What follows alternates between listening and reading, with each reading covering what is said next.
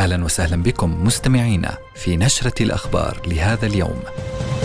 آخر الأخبار حتى الساعة أهلا بكم نستهلها بأبرز العناوين. في انعطافة خطيرة حزب الله يستهدف صفد والاحتلال يدك الجنوب في أول منازلة خارج قواعد الاشتباك منذ السابع من أكتوبر وشرارة حرب لبنان تحت التهديد وسماء بيروت ملبدة بمقاتلات الاحتلال. ومع رعب الاجتياح الاحتلال يطرد آلاف النازحين من مستشفى ناصر ويلوح بعملية عسكرية في رفح. ووفقا للمرصد العمالي عام 2023 الأصعب عماليا وحقوق في مهب الريح. وفي عالم الملاعب عود على بدء. لاعبو المنتخب يلتحقون بأنديتهم المحلية والخارجية بعد استراحة محارب. أهلا بكم وإلى التفاصيل.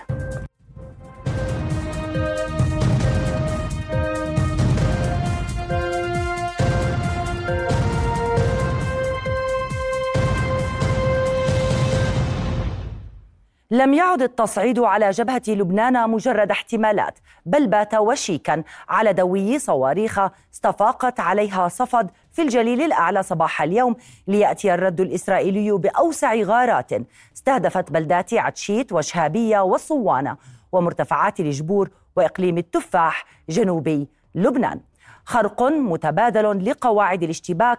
أول قصف صاروخي لمدينة صفد التي تبعد 30 كيلومترا عن الحدود اللبنانية. في المقابل طالت غارات الاحتلال قرى لبنانية بعمق 30 كيلومترا لأول مرة منذ عام 2006 واستشهدت امرأة وطفلاها في غارة للاحتلال على بلدة الصوانة فيما كشفت وسائل إعلام لبنانية عن وقوع شهيد وأكثر من عشرة جرحى في صفوف المدنيين جراء الغارات على عتشيت. من يوصف بوزير الأمن القومي الإسرائيلي ايتمار بن كفير. اعتبر اعتبر أن القصف من لبنان ليس ضربات متقطعة بل هو حرب فعلية. وقال آن الأوان للتخلي عن الفرضية المعمول بها حاليا في الشمال.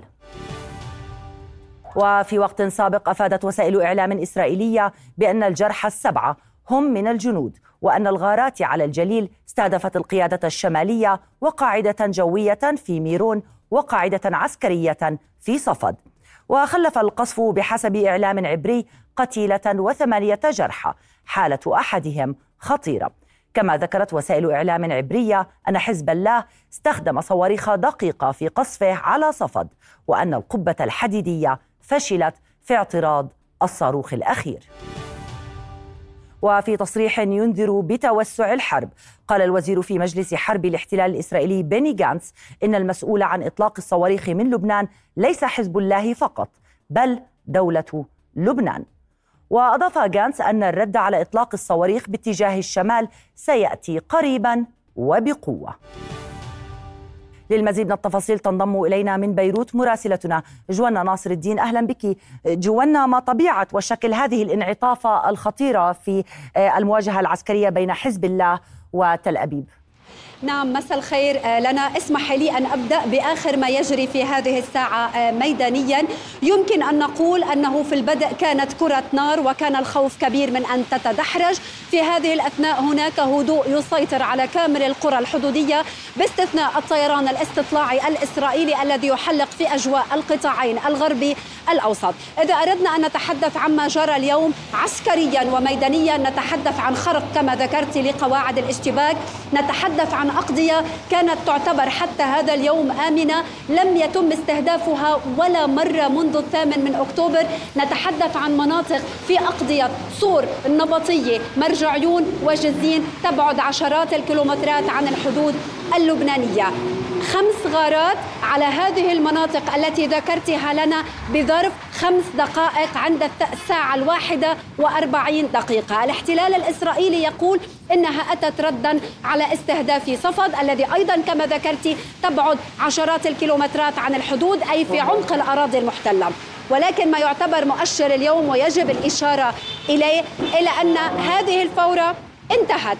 هكذا أعلن الاحتلال الإسرائيلي هكذا نعلم من أهالي الجنوب رغم كل الدمار رغم استشهاد خمسة أشخاص من بينهم طفلا وجرح أكثر من 15 شخصا نقلوا إلى المستشفيات ودمار كبير جدا جدا قد يفوق دمار حرب تموز في المناطق الجنوبية المستهدفة. المؤشر البارز الذي يجب أن نتحدث عنه هو أن حزب الله حتى هذه اللحظة لم يتبنى عملية صفد أو عملية ميرون وهو أمر لافت جدا ومؤشر لافت جدا لأنه درجة العادة أن يتبنى حزب الله أي عملية عسكرية يقوم بها وبكل فخر كما يقول في بياناته.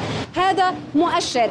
إما أن الحزب استهدف صفد ولا يريد الإعلان عن هذا الاستهداف وإما أن هناك جهة أخرى استهدفت صفد بصواريخ دقيقة من جنوب لبنان وأتى رد الاحتلال على مناطق نعم. في الجنوب اللبناني. مصادر قريبة من حزب الله تقول لرؤية اسمحي لي فقط آه أن أشير إلى هذا الأمر.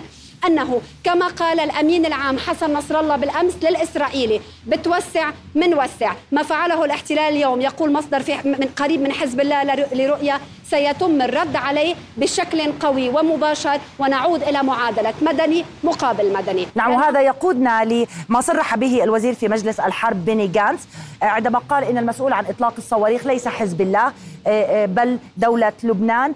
وهدد بأن الرد سيكون آه، قوي كيف يفهم لبنان السياسي هذا التهديد بحسب رصدك لردود الأفعال؟ اللافت لنا أنه رغم كل ما حصل في الجنوب اليوم لم يصدر أي موقف رسمي لا عن الحكومة ولا عن أي مسؤول رسمي في الدولة اللبنانية حيال ما جرى في الجنوب اللبناني اليوم. آه، آآ آه، لم لم يكن هناك أي تعليق وكأن باتت هذه المناوشات جزءا من الروتين اليومي. وهذا الخرق الإسرائيلي الذي نحن معتادين عليه منذ العام 2006 بات جزءا من العمليات اليومية التي تجري.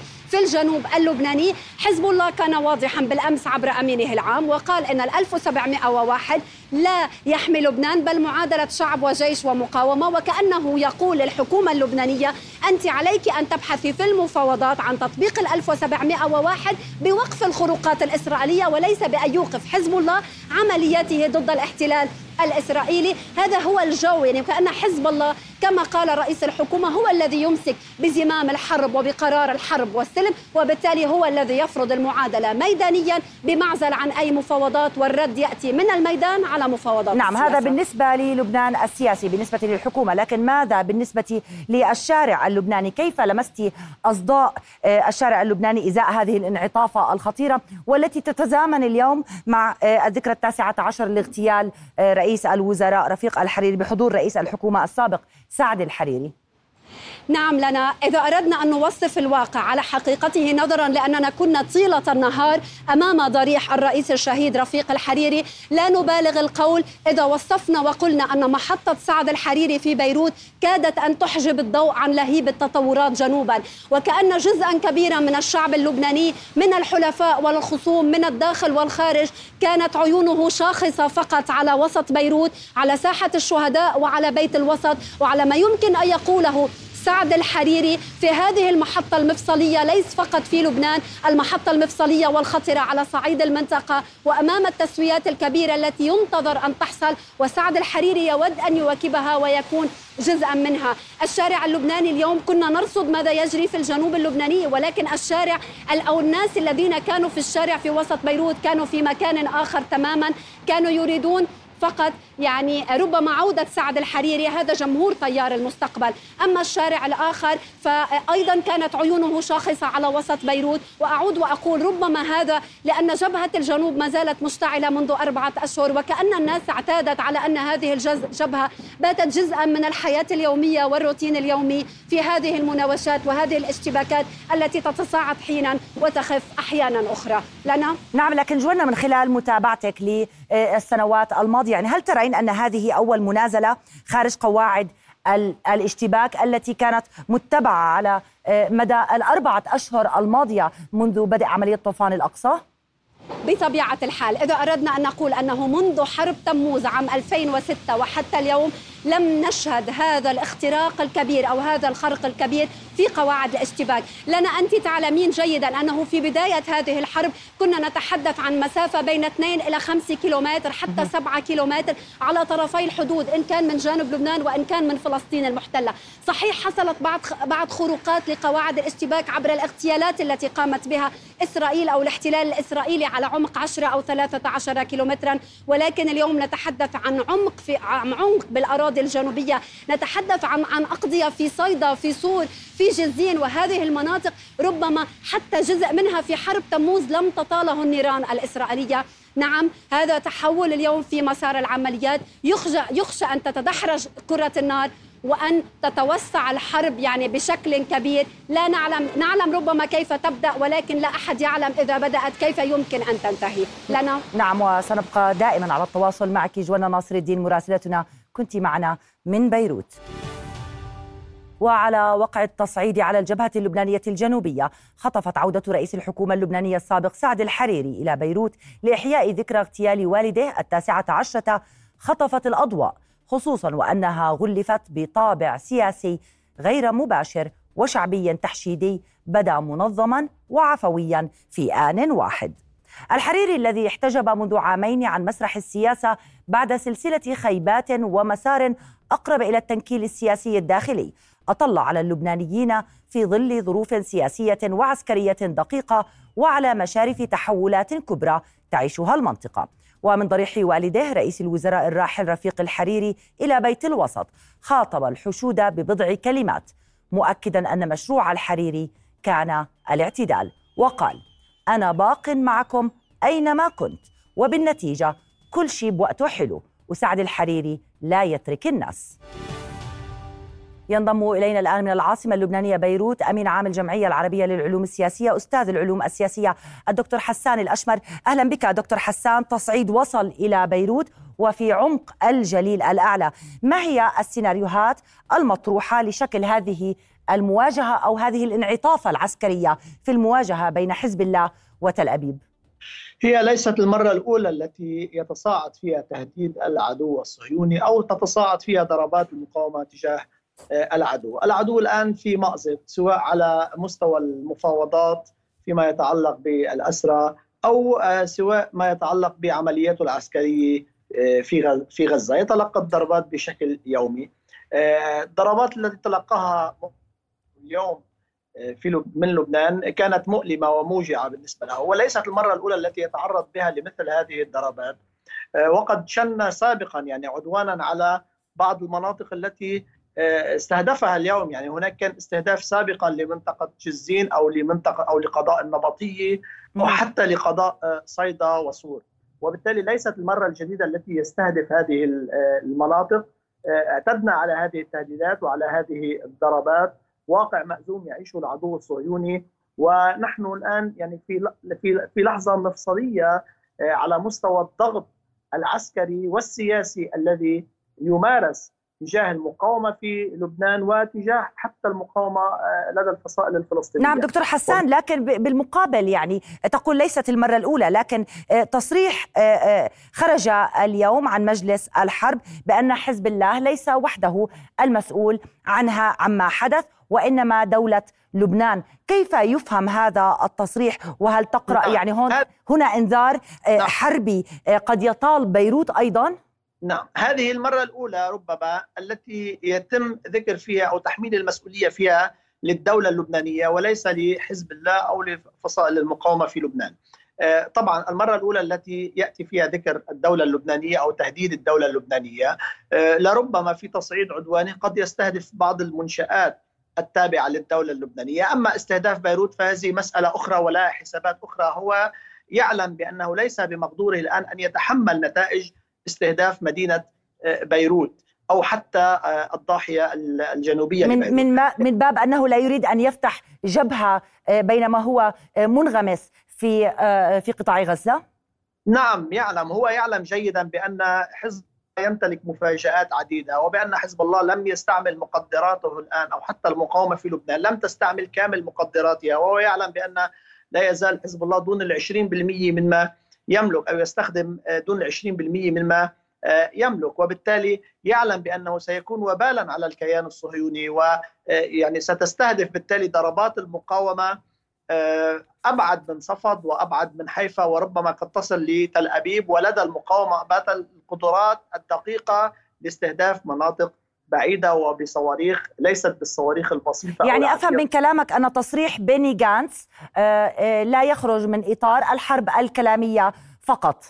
نعم صحيح لأنه ليس بمقدور إسرائيل في هذه المرحلة أن تتحمل حجم ضربات إضافية هي تسعى الآن لطمأنة المستوطنين وإعادتهم والتوسط لدى المقاومة في لبنان لتهدئة هذه آه، الجبهة. ولكن رأي المقاومة واضح بأنه لا تهدئة دون آه، آه، استقرار الأمور أو دون وقف الحرب والعدوان على غزة. لذلك يعني في المرحلة الحالية العدو الصهيوني لا يمكنه أن يتلقى الضربات الموجعة نعم اتضحت الفكرة بهذه الجزئية بعجالة. يعني كيف تقرأ التقاطع بين عودة سعد الحريري إلى بيروت؟ هذا التصعيد في آه، الجنوب اللبناني ومحاولات التهدئة الدولية.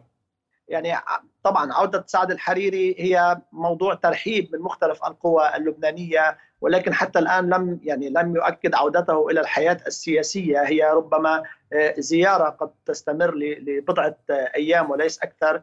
ولكن على مستوى العدو الصهيوني أعتقد الميدان هو من يحكم التصاريح ومن يحكم العمل العسكري وليست مسألة لها علاقة بهذه نعم. الزيارة. طبعا صادفت هذه المسألة آه، موضوع الزيارة بتوسيع دائرة الاعتداءات ردا على ضربات موجعه نعم إذا أنت تراها أنها مجرد مصادفة. عذرا منك الوقت داهمني. شكرا لك أمين عام الجمعية العربية للعلوم السياسية أستاذ العلوم السياسية دكتور حسان الأشمر. كنت معي من بيروت. وفي اليوم الواحد وثلاثين بعد المئة من العدوان على قطاع غزة شنت قوات الاحتلال قصفا مكثفا على مناطق في وسط وجنوبي القطاع مخلفة 103 شهداء و145 جريحا في 11 مجزرة ارتكبت خلال الساعات الأربع والعشرين الماضية. لترتفع حصيلة الشهداء منذ السابع من أكتوبر إلى 28 ألفا و576 والإصابات إلى 68291 وفقا لآخر إحصائية لوزارة الصحة في القطاع المنكوب.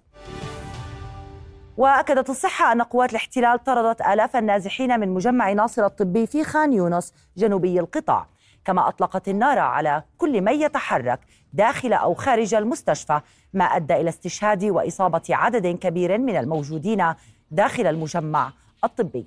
حركة حماس بدورها حذرت من الوضع الإنساني الكارثي الذي يتعرض له النازحون والأطقم الطبية والجرحى في مستشفى ناصر. أما منظمة أطباء بلا حدود فطالبت بتوفير ممر آمن للمحاصرين وخلال الساعات الماضية شنت مدفعية الاحتلال قصفا عنيفا على أحياء مدينة غزة الجنوبية وشرق مخيم المغازي وسط القطاع لتسفر عن استشهاد وإصابة العشرات. ومع اندلاع اشتباكات عنيفة بين المقاومة وقوات الاحتلال في مدينة غزة وغرب خان يونس. أعلنت سرايا القدس أنها قصفت بالاشتراك مع كتائب الأنصار تجمعات لجنود وآليات الاحتلال شمالي القطاع بقذائف هاون. وفي المقابل أعلن جيش الاحتلال إصابة 15 عسكريا في المعارك خلال الساعات الأربع والعشرين الماضية. وذكرت إذاعة جيش الاحتلال أن إدارة التأهيل تستعد لاستقبال عشرين ألف جريح العام الحالي بعد استقبال خمسة آلاف وخمسمائة العام الماضي. ويأتي هذا الإعلان في وقت تفيد فيه تقارير بأن عدد الجنود الاحتلال الجرحى في غزة أكبر بكثير من الأرقام المعلنة. وكانت كتائب القسام استهدفت أمس آليات وفجرت فتحات أنفاق وعبوات بقوات الاحتلال في عدة محاور. وسط ترقب حذر طالب الرئيس الفلسطيني محمود عباس حماس بسرعة إنجاز صفقة تبادل الأسرى من أجل تجنيب هجوم محتمل تجنب هجوم محتمل للاحتلال على مدينة رفح قد يسفر عن آلاف الضحايا. ونقلت وكالة الأنباء الفلسطينية عن عباس قوله إن من شأن سرعة إنجاز الصفقة تجنيب الشعب الفلسطيني كارثة أخرى لا تقل خطورتها عن نكبة عام 1948 وأربعين. كما حث الرئيس الفلسطيني الولايات المتحدة والدول العربية على العمل بجدية لإنجاز صفقة الأسرى بأقصى سرعة لتجنيب الشعب الفلسطيني ويلات الحرب المدمرة. وتتضارب الأنباء حول مفاوضات وقف إطلاق النار المستمرة في القاهرة منذ الأمس. فبينما اتفقت وسائل إعلام أمريكية بأن المفاوضات لم تسفر عن تقدم ملموس رأى المتحدث باسم الخارجية الأمريكية ماثيو ميلر أن الاتفاق ما زال ممكنا. كما نقلت وسائل إعلام مصرية عن مصدر رفيع المستوى قوله إن أجواء اجتماع القاهرة الرباعي إيجابية. أمام سطوة المشهد الاعتيادي من الدمار والقصف المتواصل تسطع مبادرات تجتهد في التخفيف عن الأطفال النازحين في رفح. في القصة التي تابعها زميلنا غازي العالول سيدة حملت أحلام الطفولة عبر طائرات ورقية. يحلق الاحتلال الإسرائيلي بطائراته فوق سماء غزة منذ أكثر من 130 يوما. بهدف قتل الأطفال الفلسطينيين والقضاء على أحلامهم. لكن الأطفال هنا قرروا أن تحلق طائرات من نوع آخر فوق رؤوسهم وهي الطائرات الورقية التي يفرغون بها عن أنفسهم. ومن ساعدهم في ذلك هي هذه السيدة نور التي تعمل مع ستة من أخواتها في صناعة هذه الطائرات الورقية التي بصناعتها تساعدهم على الخروج من الحالة المأساوية التي يعيشونها.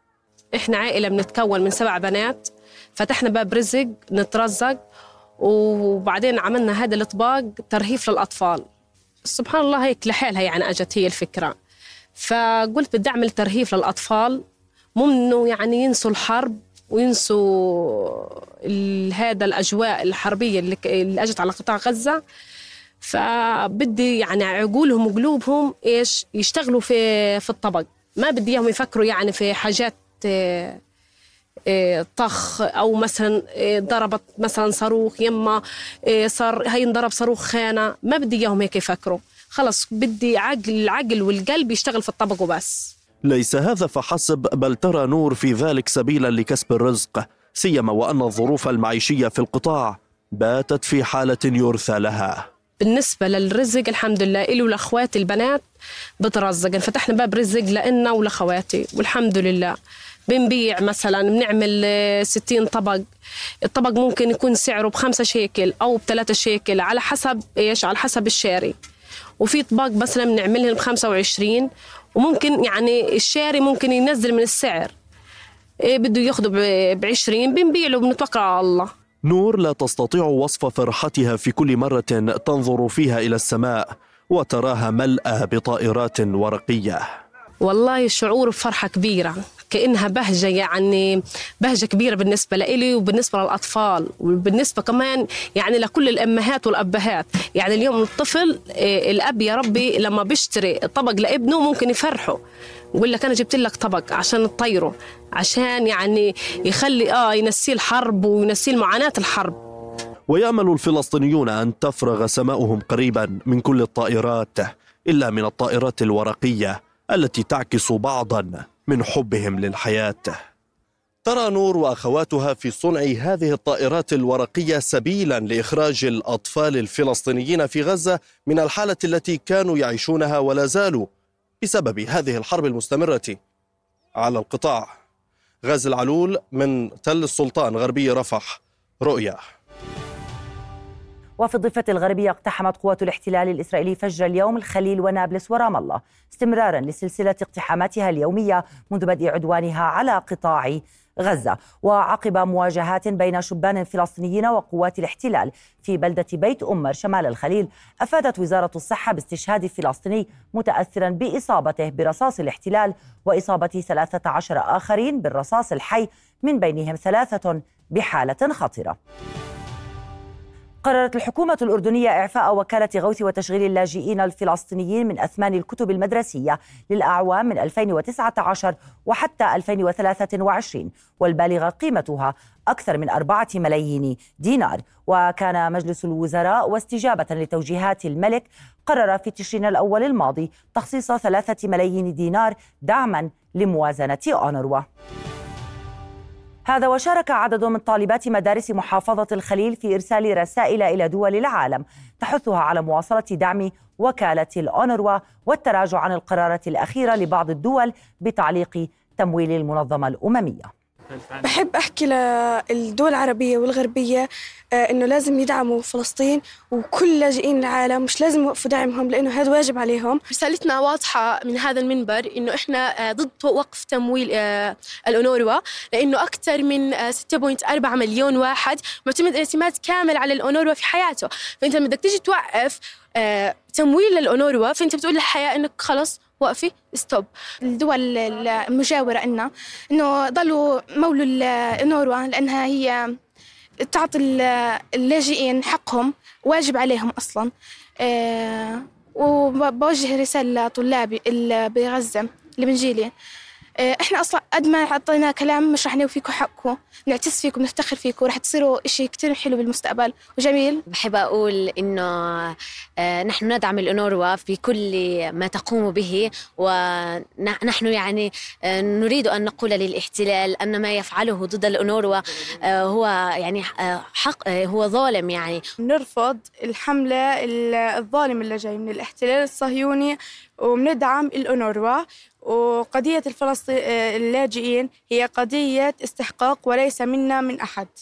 وإحنا نتمنى إنه الأونروا آه، تستمر بهذا الموضوع وإنها تك... آه، وإحنا بنرفض إنه الاحتلال يكون ضد الأونروا وبنتمنى من الأونروا تستمر أكثر وأكثر وتكون أحسن. أثار برنامج من هنا نبدأ الذي تعرضه رؤيا يوميا في ساعة ما قبل نشرة الأخبار قضية الإتاوات التي يتعرض لها عمال الوطن في السلط. وعلى إثر متابعة رؤيا للقضية تعهد رئيس بلدية السلط الكبرى المهندس محمد الحياري بالتحقيق في حيثيات الموضوع. وأكد أكد عدم السكوت عن أي تجاوزات تمس عمال الوطن. وكانت رؤيا عرضت على لسان أحد عمال الوطن ما يتعرض له مطالبا بوضع حد لهذه التجاوزات. وإلى صفحتنا الدولية زار الرئيس التركي رجب طيب إردوغان مصر اليوم لأول مرة منذ تولي الرئيس المصري عبد الفتاح السيسي الحكم. وذلك بعد قطيعة دامت أحد عشر عاما. السيسي أعلن أن بلاده تفتح صفحة جديدة مع تركيا بما يثري العلاقات الثنائية مؤكدا السعي إلى رفع التبادل التجاري معها إلى 15 مليار دولار في السنوات المقبلة. وتأتي الزيارة لبحث وقف إطلاق النار في غزة وإنفاذ المساعدات الإنسانية لأهالي القطاع إضافة إلى تناول العديد من الملفات والتحديات الإقليمية. في عالم المال والأعمال يبحث حمدان عايش في حالة العمال في عام 2023 إليك حمدان. شكرا لنا.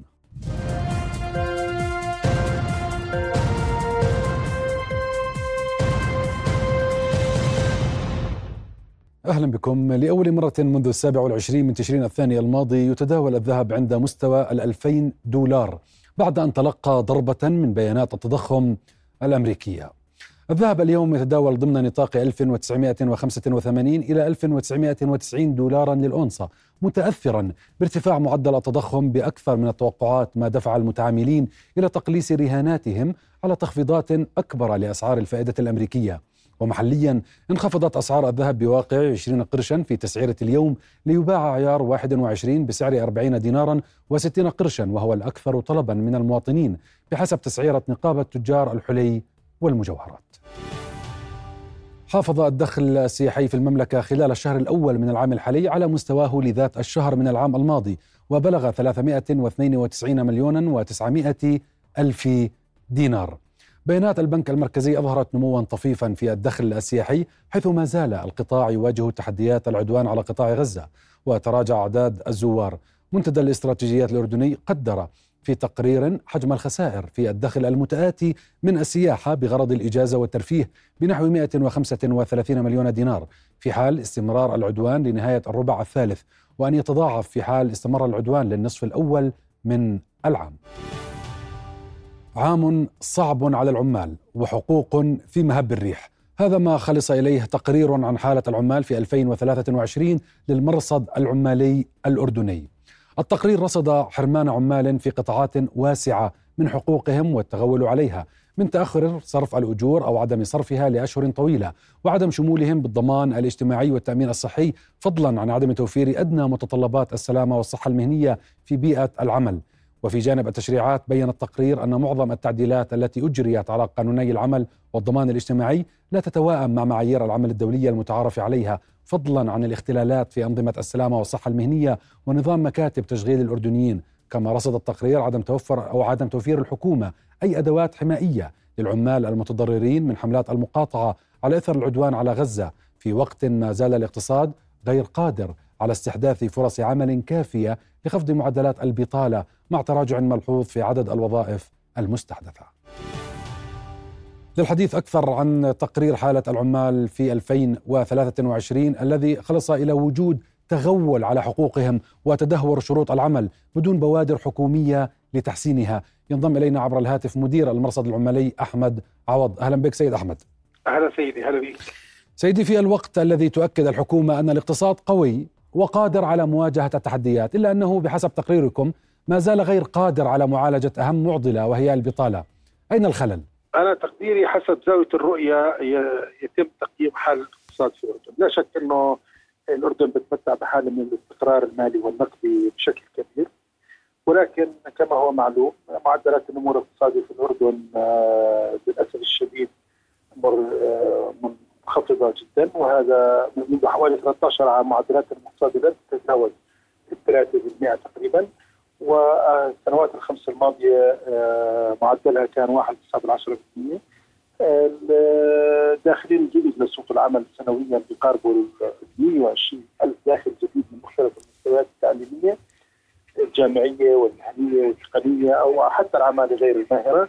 بينما آه، قدرة الاقتصاد الأردني على توفير فرص العمل الجديدة لا تتجاوز نعم سيد أحمد سيد أحمد هل حقوق العمال في الأردن في مهب الريح؟ ألا تعتقد أن هناك مبالغة بهذا الوصف؟ حقيقة لا. آه، لا يوجد مبالغة وأنا بعتقد أنه حتى شروط العمل في تدهور مستمر ليس فقط على مستوى الممارسات وإنما حتى على مستوى السياسات. يعني إذا نتذكر في العام الماضي تم إجراء تعديلات على قانوني العمل والضمان الاجتماعي، في قانون الضمان الاجتماعي تم تخفيض الحمايات اللي كان لازم يتمتع فيها الشباب آه، دون سن 30 ولكن في العديد من القطاعات الاقتصادية تعديلات قانون الضمان الاجتماعي حرمت آه، الشباب من سن 30 اللي بينتهوا سوق العمل لأول مرة من العديد من الحمايات الاجتماعية بهدف تشجيع القطاع الخاص بالتوسع. أيضا آه، جرى إضعاف قدرات آه، قوه العمال من أجل المشاركة في عمليات المفاوضه الجماعية والحوار الاجتماعي من خلال حرمانهم من التفاوض الجماعي. وبالتالي هذا أدى إلى إضعاف تنفيذ حتى السياسات العمل الموجوده ومعايير العمل نعم آه، سيد أحمد آه، سيدي الحكومة في تصريحاتها تؤكد أن برامج التشغيل حققت نجاحات لكن تقريركم يؤكد أن تصميم هذه البرامج قام على فرضيات غير مكتملة. كيف توضح ذلك؟ يعني آه، هناك برامج وتشغيل وانخفاض لمعدلات البطالة وأنتم تقولون بعكس ذلك. حقيقة دائرة الإحصاءات العامة هي التي تقول عكس ذلك وليس نحن. نحن نقوم بتحليل الواقع. دائرة الإحصاءات العامة بتقول أن معدلات البطالة ما زالت في الأردن 22 10% رغم برامج التشغيل التي تعلن الحكومة وتعمل عليها، نحن لا نقول أن برامج التشغيل آه، آه، غير ضرورية، برامج التشغيل جدا ضرورية ولكن نحن نعتقد بأنه آه، هيكلتها والموديل تاعها لازم يتغير باتجاه تعزيز توليد فرص عمل جديدة في سوق العمل وليس الاتفاق بالربط بين أصحاب العمل وبين العاملين. برامج التشغيل لما تقوم بعمليات تدريب العاملين هذا أمر مطلوب وأمر محمود وله نعم سيد أحمد سيدي بعجالة لو سمحت رصدتم انتهاكات عمالية في عدد من الشركات. ما هي أبرزها وكيف آه، ترون دور الحكومة في آه، معالجتها؟ وهل تم حوار مع الحكومة في ذلك؟ أنا تقديري آه، أهم أهم انتهاك بيتعرضوا له العاملين في الأردن إنه مستويات الأجور في الأردن منخفضة. جزء كبير من العاملين بيستلموش رواتبهم في مواعيدها. جزء كبير من العاملين أو نص القوى العاملة في الأردن غير منخرطة بالضمان الاجتماعي آه، شروط الصحة والسلامه المهنية آه، حدثت العديد من سواء على مستوى السياسات أو على مستوى التطبيق آه، ولكن على مستوى التطبيق الانتهاكات تكون أكبر لأنه حدثت حوادث كبيرة جدا والعديد من الشركات لا تلتزم بالمعايير الأردنية فيما يتعلق بهذا الشأن. أعتقد بأنه ضعف إنفاذ القانون، ضعف إنفاذ سياسات العمل هو العامل الأساسي نعم نعم. توسع انتهاكات العمالية. نعم سيد أحمد. آه، مدير المرصد العمالي أحمد عوض كنت معنا عبر الهاتف. شكرا جزيلا لك. إلى هنا نصل إلى نهاية أخبار الاقتصاد. عودة إليك لنا. شكرا حمدان.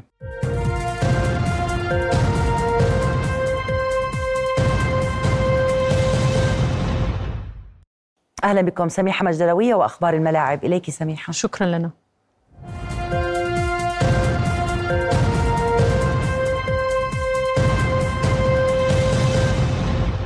أهلا بكم. بعد مشاركتهم في بطولة كأس آسيا في قطر بدأ لاعبو المنتخب الوطني لكرة القدم بالعودة إلى أنديتهم المحلية والخارجية. وعاد المحترفون في الخارج لأنديتهم بحيث انضم موسى التعمري إلى صفوف مونبلييه الفرنسي ويزيد أبو ليلى إلى الجبلين السعودي بالإضافة إلى عودة يزن نعيمات وعلي علوان إلى الدور القطري. ومن المقرر أن يلتحق لاعبو المنتخب بأنديتهم المحلية استعدادا لاستئناف مباريات دوري المحترفين يوم السبت المقبل.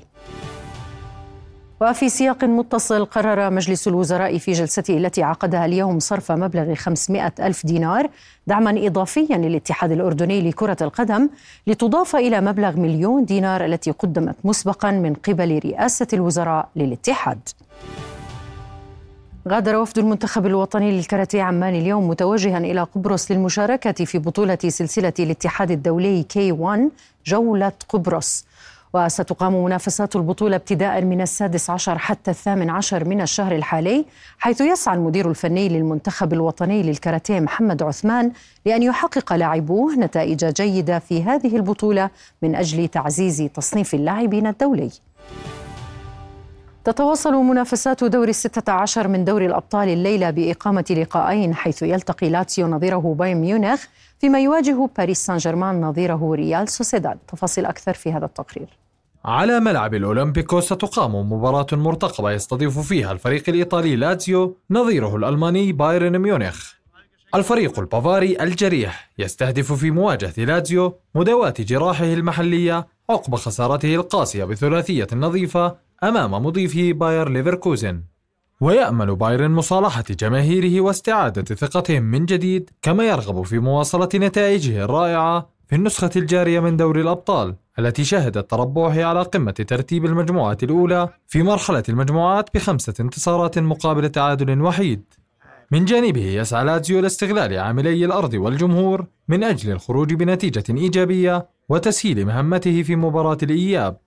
وعلى الرغم من ابتعاده عن مراكز المقدمة في ترتيب الدوري الإيطالي إلا أن نتائج لاتزيو جاءت جيدة للغاية خلال مرحلة المجموعات في دوري الأبطال. في المواجهة الثانية سيحل ريال سوسيداد ضيفا على باريس سان جيرمان في ملعب حديقة الأمراء ويسعى فريق سان جيرمان للاستمرار في مسيرته الناجحة وتحقيق الفوز على ريال سوسيداد بهدف المضي قدما نحو تحقيق لقب دوري أبطال أوروبا. على الجانب الآخر يعيش ريال سوسيداد فترة غير جيدة حيث لن يتمكن من استدعاء خمسة لاعبين على الأقل لرحلته إلى باريس. إلى جانب عدم تحقيقه أي فوز في آخر أربع مباريات لذا ستكون طموح الفريق الإسباني تحقيق نتيجة إيجابية تعيده إلى المسار الصحيح.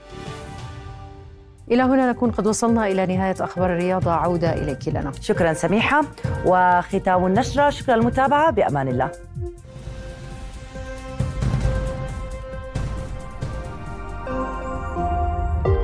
رؤيا بودكاست